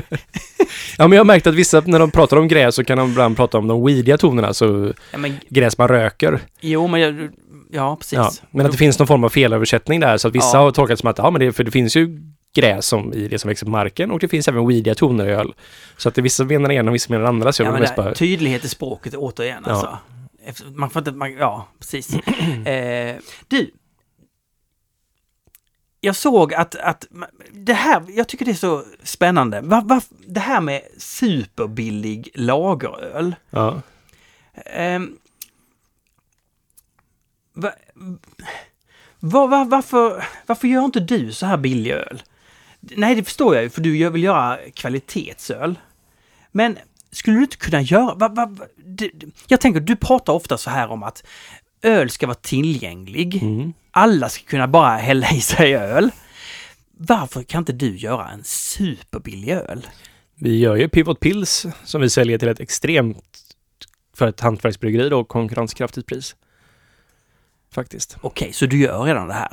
Ja, Men att komma ner i Faxes, då går ju företaget omkull direkt liksom. men hur gör de sin öl? Eh, det, de brygger väl en som de flesta andra men storskalsdrifter och tar väl mycket genvägar för att göra den så billig som möjligt. Och, ja. Vilka genvägar då? ja, men det kan vara jästemperaturer för att få det att gå snabbare och kanske jäsa under tryck då för att hindra esterproduktion och Aha. liksom så här eh, kanske använda någon form av tillsats för att få billigare sockerextrakt och sådana saker. Mm. Eh, det, det finns massa genvägar man kan ta upp. Men sen så handlar det om stordriftsfördelar helt enkelt. Och, men eh, Pivot Field säljer vi billigt och vi vill ju gärna att den ska bli någon form av som en alternativ storstark som ändå smakar. Jag är jättenöjd, alltså den senaste tidens Pivot har blivit fantastiskt bra. Ja, jag är jättenöjd med den faktiskt och det är väldigt roligt också att kunna göra en sån öl med för oss handlar det också om att ta genvägar som inte kompromissar med kvaliteten för mycket, liksom att man får hitta den här sweet spoten när man skulle vi brygga enligt de absolut bästa metoderna som och enbart gör det liksom, Mm. så skulle det ta väldigt mycket längre tid och Ja. kanske då till en hur stor är den vinsten liksom? Ja, Hur just mycket det. får man ut smakmässigt av det? Kan man hitta den här liksom att, ja men det här, jag kan inte direkt känna någon uppenbar skillnad, men sen så är det som alla bäckar blir till en stor å till slut. Så, här, så gör man för många sådana så får man ändå ha någon, det är, det är lätt att man blir blind i det hela, den här processen, att man hela tiden, ja men ska vi testa att göra så här? För att se om, nej men det blev ingen större skillnad. Ja men då, då kör vi på det och sen så gör man så igen och sen igen, igen. Och till slut har man tagit många små genvägar som, ja men det kanske blir lite, lite sämre och till slut så har man från början haft en produkt som var på ett sätt och i slutändan då genom massa små genvägar hamnat på en produkt som inte alls är lika bra som den första produkten. Alltså, lager, Mm. som, du, som vi pratar om här. Det verkar vara så jäkla svårt. Alltså jag, jag tycker jag dricker så mycket äcklig lager hela tiden. Det är bara äckligt och äckligt och äckligt. Ja, och jag... Det har ju kallats lagens år det här 2019 Ja, lite grann. är, jag fattar, jag, kan du berätta för mig? Vad, Ja vad men, menas? ja men det är så här, det, det finns ju alltid en bubblare där om att så här, man ska gå full circle i öl och att vi kommer komma tillbaks till att man dricker att liksom en, en, la, en bra lager är liksom det som man går tillbaks på. Och jag får ändå säga så här, man märker det på festivaler. Vi har gjort pivot, eller vad säger jag, äkta pils ganska länge nu här. Och på Stiberget så gjorde vi ju jättemycket pilsner till Hagabion. Eh, den, ja, Mm, liksom pilsner där. ja. Så vi, jag har ju fått jobba med pilsner så länge jag har i stort sett bryggt öl kommersiellt. Och det har varit väldigt bra för min egna bryggkunskap. Om man går tillbaks till det här att så här, där har jag fått lära mig grunderna och se vad som faktiskt... Att man måste behandla vissa saker med ganska mycket respekt för att där har du inget, du har ingenting att dölja sig i en pilsner. Det är inte, alltså, jag kan ju tycka att vissa överdriver hur svårt det är att brygga pilsner, men det finns någon form av processen blottas väldigt mycket. Mm. Medans i ale kanske det mer handlar om vilka ingredienser du har i. Ja. ja. Att det är de som styr kvaliteten väldigt mycket. Mm. För det är inte svårt att göra öl egentligen. Det är en väldigt simpel process liksom. Den brygger sig själv nästan på sätt och vis. Men däremot i pilsner för att få den här, få den bra liksom och inte så är det fortfarande, det är, ju din process där liksom som Ja. blottas. Och eh, det har gjort att då märker jag ju så här, oj, om man gjorde på det här sättet så blev det inte alls lika bra för att så det har gjort att jag är bättre ales för att jag har gjort så mycket lager för att jag har fått möjligheten att förfina hur man kan få ut smakerna där liksom. Ja, okej. Ja. Men, ja. Vad var det vi skulle komma med det här? Nej men jag, nej men jag, det är väl mest att, att, jag, att jag har köpt de här, eh, eh, stor, storföretagens eh, 3,5 pilsner och Ja. gillat det eh, bättre än... Precis, och det, det var just det, det var det här med att 2019 och jag, lagens år, och vi har ju märkt det att bryggare på ölfestivaler, vi har ju då varit lite kända för att vi ofta tar med oss en pilsner på ölfestivaler, fast det är ingen som egentligen av konsumenterna där som vill dricka det, utan men bryggarna kommer så här, kan man få lite pilsner? typ så här, jag hörde att den är bra Helle, så jag vill ha en bra pilsner här liksom. Ja, och när du säger eh, att det ska vara ett la lagerår så menar du ju inom hantverksbryggeriet för att det är ju alltid lagerns Precis, år. och ja, men det är så här, ja det är alltid lagens år, exakt. Ja. Det, är ju, det är ju den standardölen och det kommer vi inte ja. komma ifrån Nej, på något nej. sätt liksom. Det, det, då lurar man sig själv. Men att det är faktiskt, ja men det, jag märker att det börjar skifta lite grann mot att man vill brygga mer lager. Och jag är glad för vi har ju haft, jag har ju då haft det här försprånget lite grann med att få brygga lager ganska länge nu. Och så nu märker jag ju då att när många bryggerier snappar upp att oh ja, man, man ska göra en pilsner nu då. Det, ja, men då gör vi en pilsner. Och det blir ganska ofta pannkaka faktiskt. Men då, tyck, tycker du att du gör den bästa hantverkspilsnern? Eller vadå? Nej, det tycker jag inte. Men Alltså, vem gör det? alltså, till exempel nya Carnegie har ju en jättebra Kellerpils. Åh, den är bra! Ja, det är bra. Och sen ja, så... den är svinbra. Alltså Nils Oskars har gjort pilsner och lageröl jättelänge som är jättebra. Så att, och Nynäshamn och Helge Pickla Pils och Landsortslager, vad fan. jag är ju nybörjare i det fortfarande liksom. Du, skulle vi inte... Jag, jag kan vi inte... Kan vi inte prova, kan vi inte, de här skulle jag vilja prata om i nästa, alltså det var roligt det hade varit att dricka lite bra lager till nästa gång. Mm. Ja, vi kan ju kolla vad som finns på Systembolaget så kan vi... Men vi kanske inte dricker det i programmet, men vi kan dricka det hemma liksom. Det tycker jag. Ja, men... Nej. Eh, eller? Dricka i programmet, det, det sånt får Fredrik Ja. syssla med. Eller, Men det jag tänkte säga med det här med lagen så, Mikkele då, eller Mikkel i, som äger Mikkele och startar Mikkele. ja. Han la upp någon post här i januari som var så här lagens år 2019. Och det blev en ganska mycket diskussion där kring det. Aha, ja. Och det här slutade faktiskt, någonstans i den här diskussionen så bjöd Manuel, pratade vi om det här förra programmet också kanske? Nej. Nej, Manueli är Man är alltså ju- han som har eh, den här baren i Rom. Precis. Som Siete Venuti Affa. Som är en sorts nav i Italien. Exakt, han är ju eh, the godfather of beer i Italien. Eh, bokstavligt talat kan man säga också. Mm, mm. Men eh, att, eh, så han har ju då en Frankenfest där han har frankiska bryggerier. Börjar det regna här nu va? Ja. Eh, frankiska bryggerier, alltså från alltså Franconia då som är en del av Bavaria. Tyska bryggerier. Precis, och det är där det här nästet av små hantverksbryggerier som är liksom gamla bryggerier finns kvar. Som gör lageröl på väldigt traditionella sätt. Så han har en sån festival i Rom där han själv åker upp några veckor i förväg, väljer ut ölen Mm. och ser till att de blir jättefärska och kommer ner till Rom då helt enkelt och mycket så här gravity kegs och sådana saker. Ja. Och det har ju varit det, jag alltid velat åka dit faktiskt. Jag vet inte hur många år men det är Mm. några år han haft det nu i alla fall. Men vi blev faktiskt inbjudna till det. Jaha. Ja. Så eh, jag ska faktiskt mejla med en nu direkt efter programmet. Så det är, och Omnipojo blev också inbjuden. Och jag Jaha. tror kanske att Mikkel också blev det. Så att vi ska faktiskt representera med öl där. Sweetness. Så det är, det är en jätteära. Det är bland det jag är väldigt stolt över det faktiskt. Ja. Ja. Men, ja, men han, ja ja, men du, du har en bra, du har var, du, du har ju suttit på den baren så många gånger. Så han kände bara, ah, jag får väl bjuda den där Olle då, för han, Ja, jo kanske. Men, eh, nej, men och sen så faktiskt så ska vi på en annan pilsnerfestival i Italien. Eh, pilsner har alltid varit eh, väldigt stor i Italien, hantverkspilsner. Det är tror jag beror på Birrificcio Italian- Italiano. Som har gjort Tippo Pils som är en av mina Mm. absoluta favoriter och det. allt det var Ja. när vi pratat om tidigare. Som de har någonting som heter Pils Pride i Italien. Som är en festival varje år, så dit ska vi också. Tyvärr så kan inte jag åka på den för det är faktiskt samtidigt som Mikkele Beer Celebration. Pills Pride, är det, har det något med sexuell läggning göra? Nej, jag tror bara att de är stolta över pilsnen. Ja, okej, det Ja. Pride behöver inte bara handla om sexuell läggning, nej. Nej, det Nej, behöver just inte. det. Jag tror det handlar om. Men sen så de har då även i USA så samarbetar de med Oxbow, ett jättebra bryggeri på, i Maine på östkusten. Jaha. Och även då Firestone Walker, så de har lite så här pilsnernätverk. För Firestone Walker har ju sin Pivo Pils. Inte förknippat med Pivot Pils. Pivo betyder ju öl tror jag, på tjeckiska. Så Vår namn är ju en liten eh, så här, anspelning på det. Plus att vi liksom ändrar riktning lite grann med den. Men så att vartannat, eller så här, de alternerar mellan öst och väst och för Firestone är på västkusten. Mm. Så de alternerar mellan öst och väst då varje år så har de en For the Love of Pills eller liknande heter den där. Medan i, Engl- i Italien heter den då Pills Pride.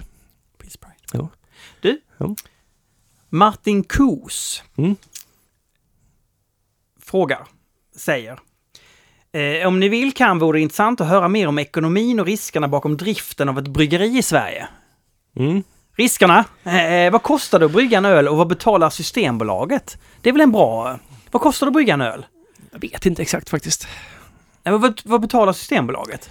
Eh, de, vi säljer ju mest det lokala. Vi säljer inte mycket på Systembolaget ska Nej. jag tillägga. Så att vi är inte så beroende av Systembolaget så, i vår ekonomi. Nej. Eller det är klart vi är det, men det är liksom, just nu så är det liksom inte någonting som... Det är ju en del av kakan, men inte en... För att vara ett hantverksbryggeri i Sverige så är det en mindre del av kakan än vad det brukar vara. Helt Ja, enkelt. men är det... Jag ska se här. Men i det lokala sortimentet så Ja. sätter vi ju priset Ja. själva.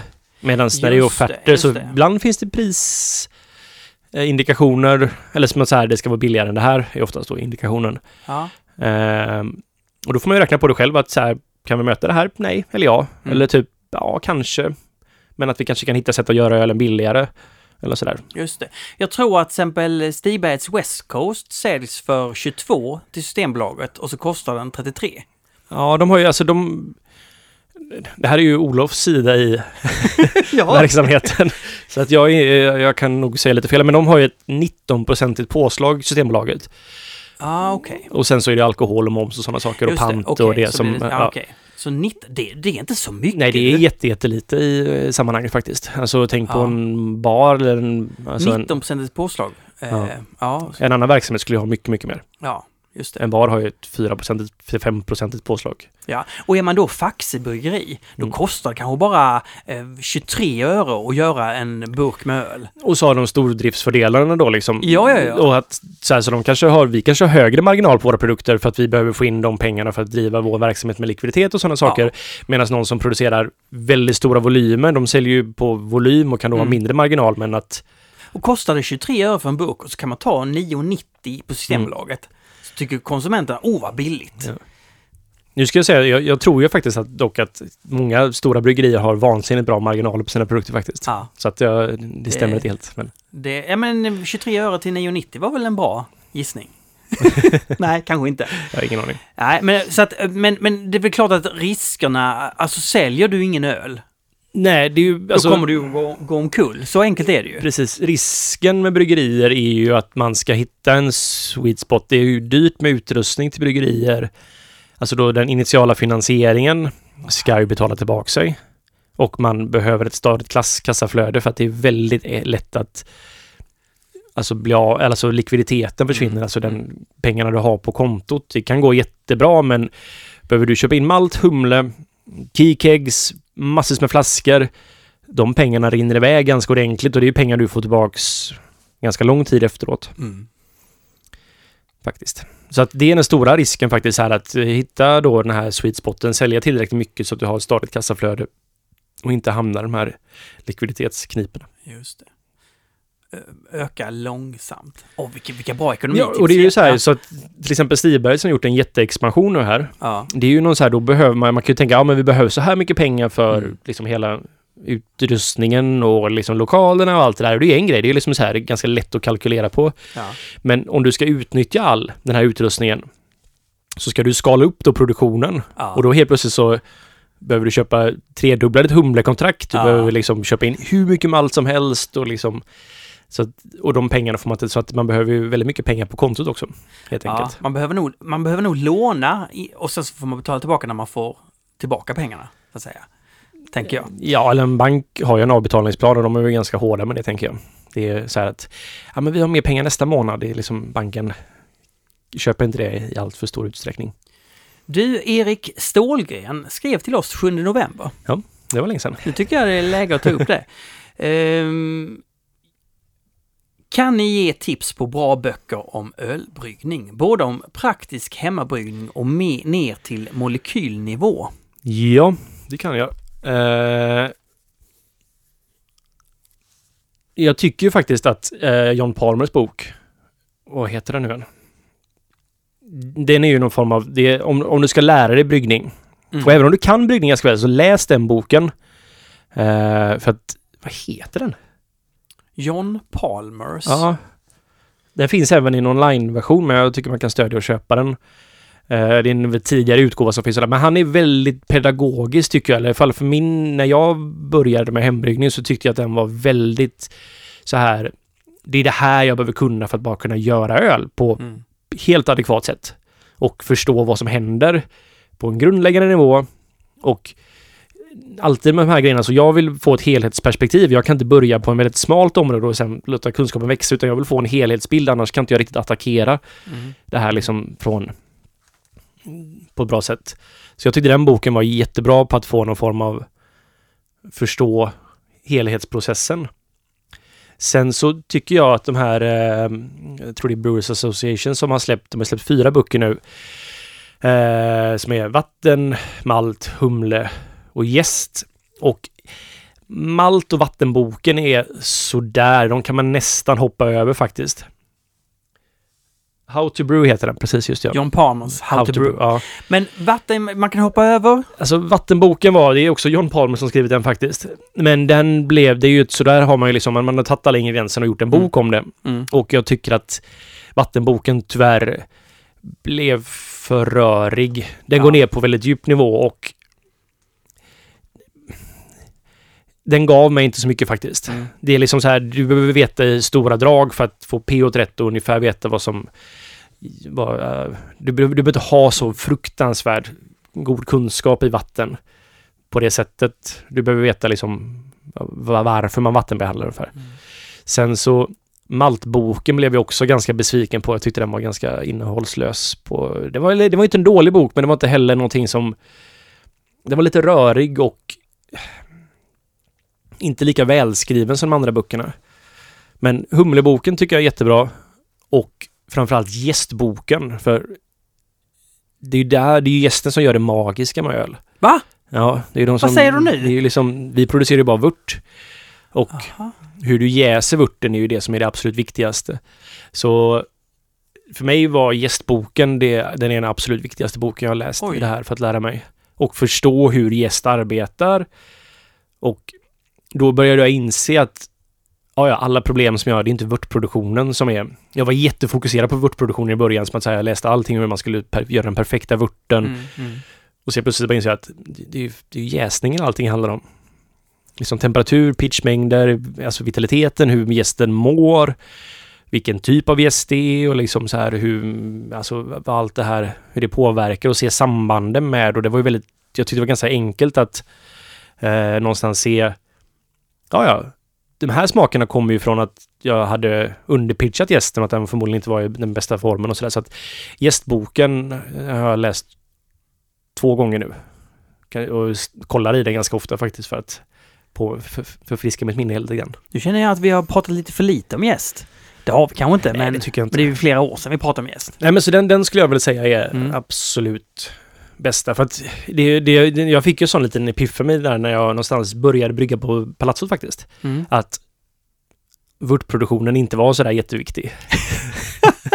jag hade ju planer på att bygga så här ett jättespecialsystem liksom så här. Ja. Och så var det med så här, nej det är bättre att jag fokuserar på att jäsa ölen bra här nu istället för att eh, Mm. Det gäller att hitta nycklarna.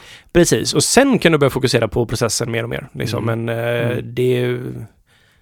Jäsningen är den stora smak, bidragande faktorn till om en öl smakar bra eller inte bra, Mm.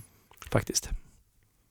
Vad härligt. Ja. Ja, vad Sen du... finns, om man är väldigt intresserad av det hela, så kan jag faktiskt rekommendera en bok som är George Fix, heter den som skrivit den.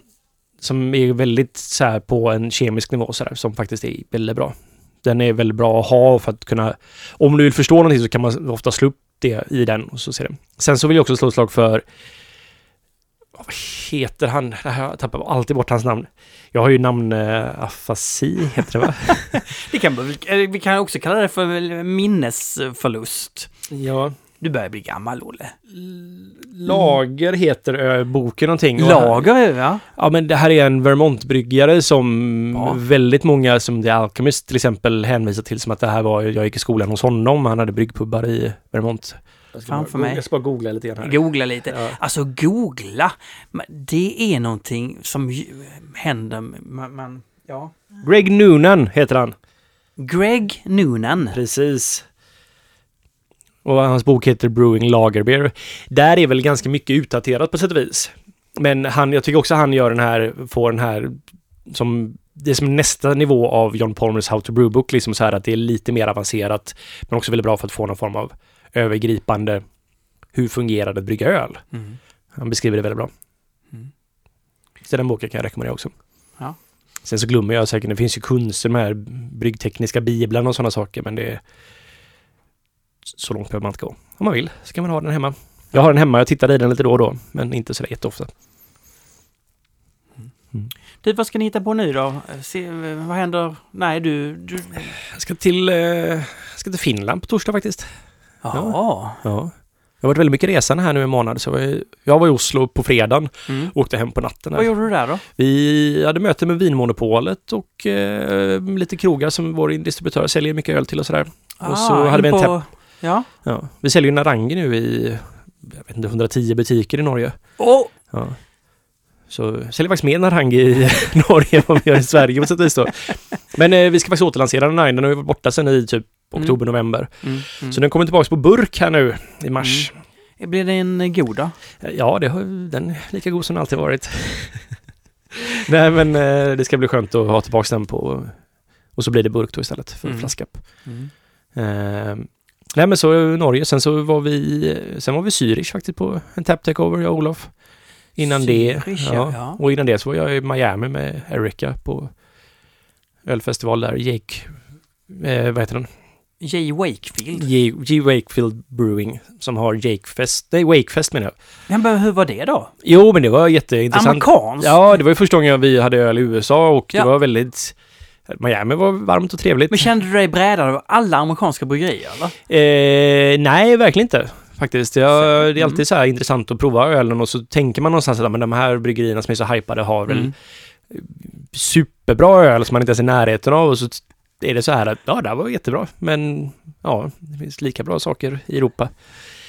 Men det jag märkte var, det var, det, alltså jag har hört det här tidigare men det här med köer på ölfestivaler är alltid intressant. Ja, Det är alltid något bryggeri som har mer hypat än andra och Monopoly brukar alltid ha väldigt långa köer. ja.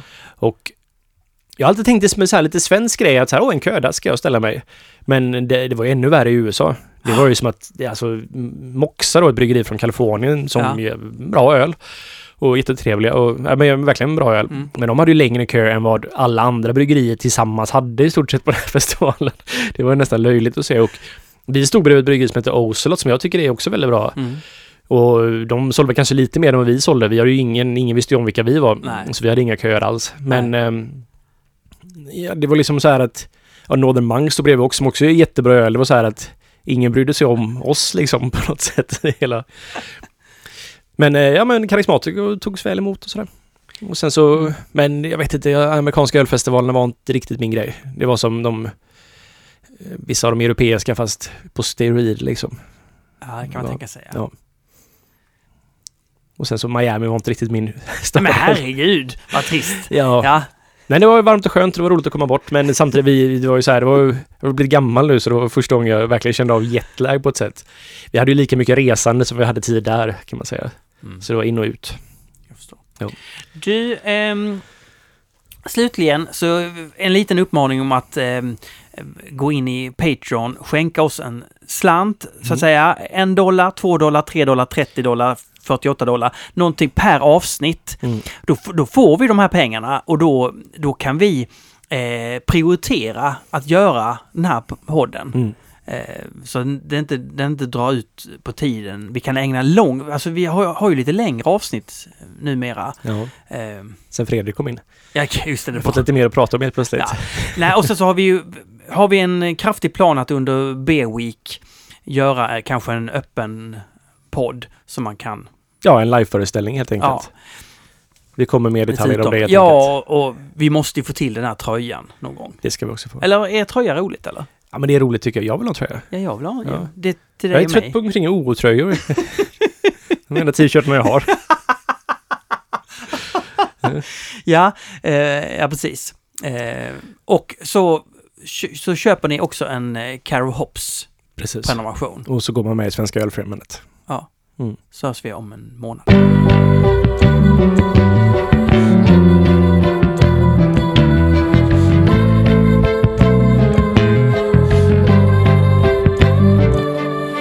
En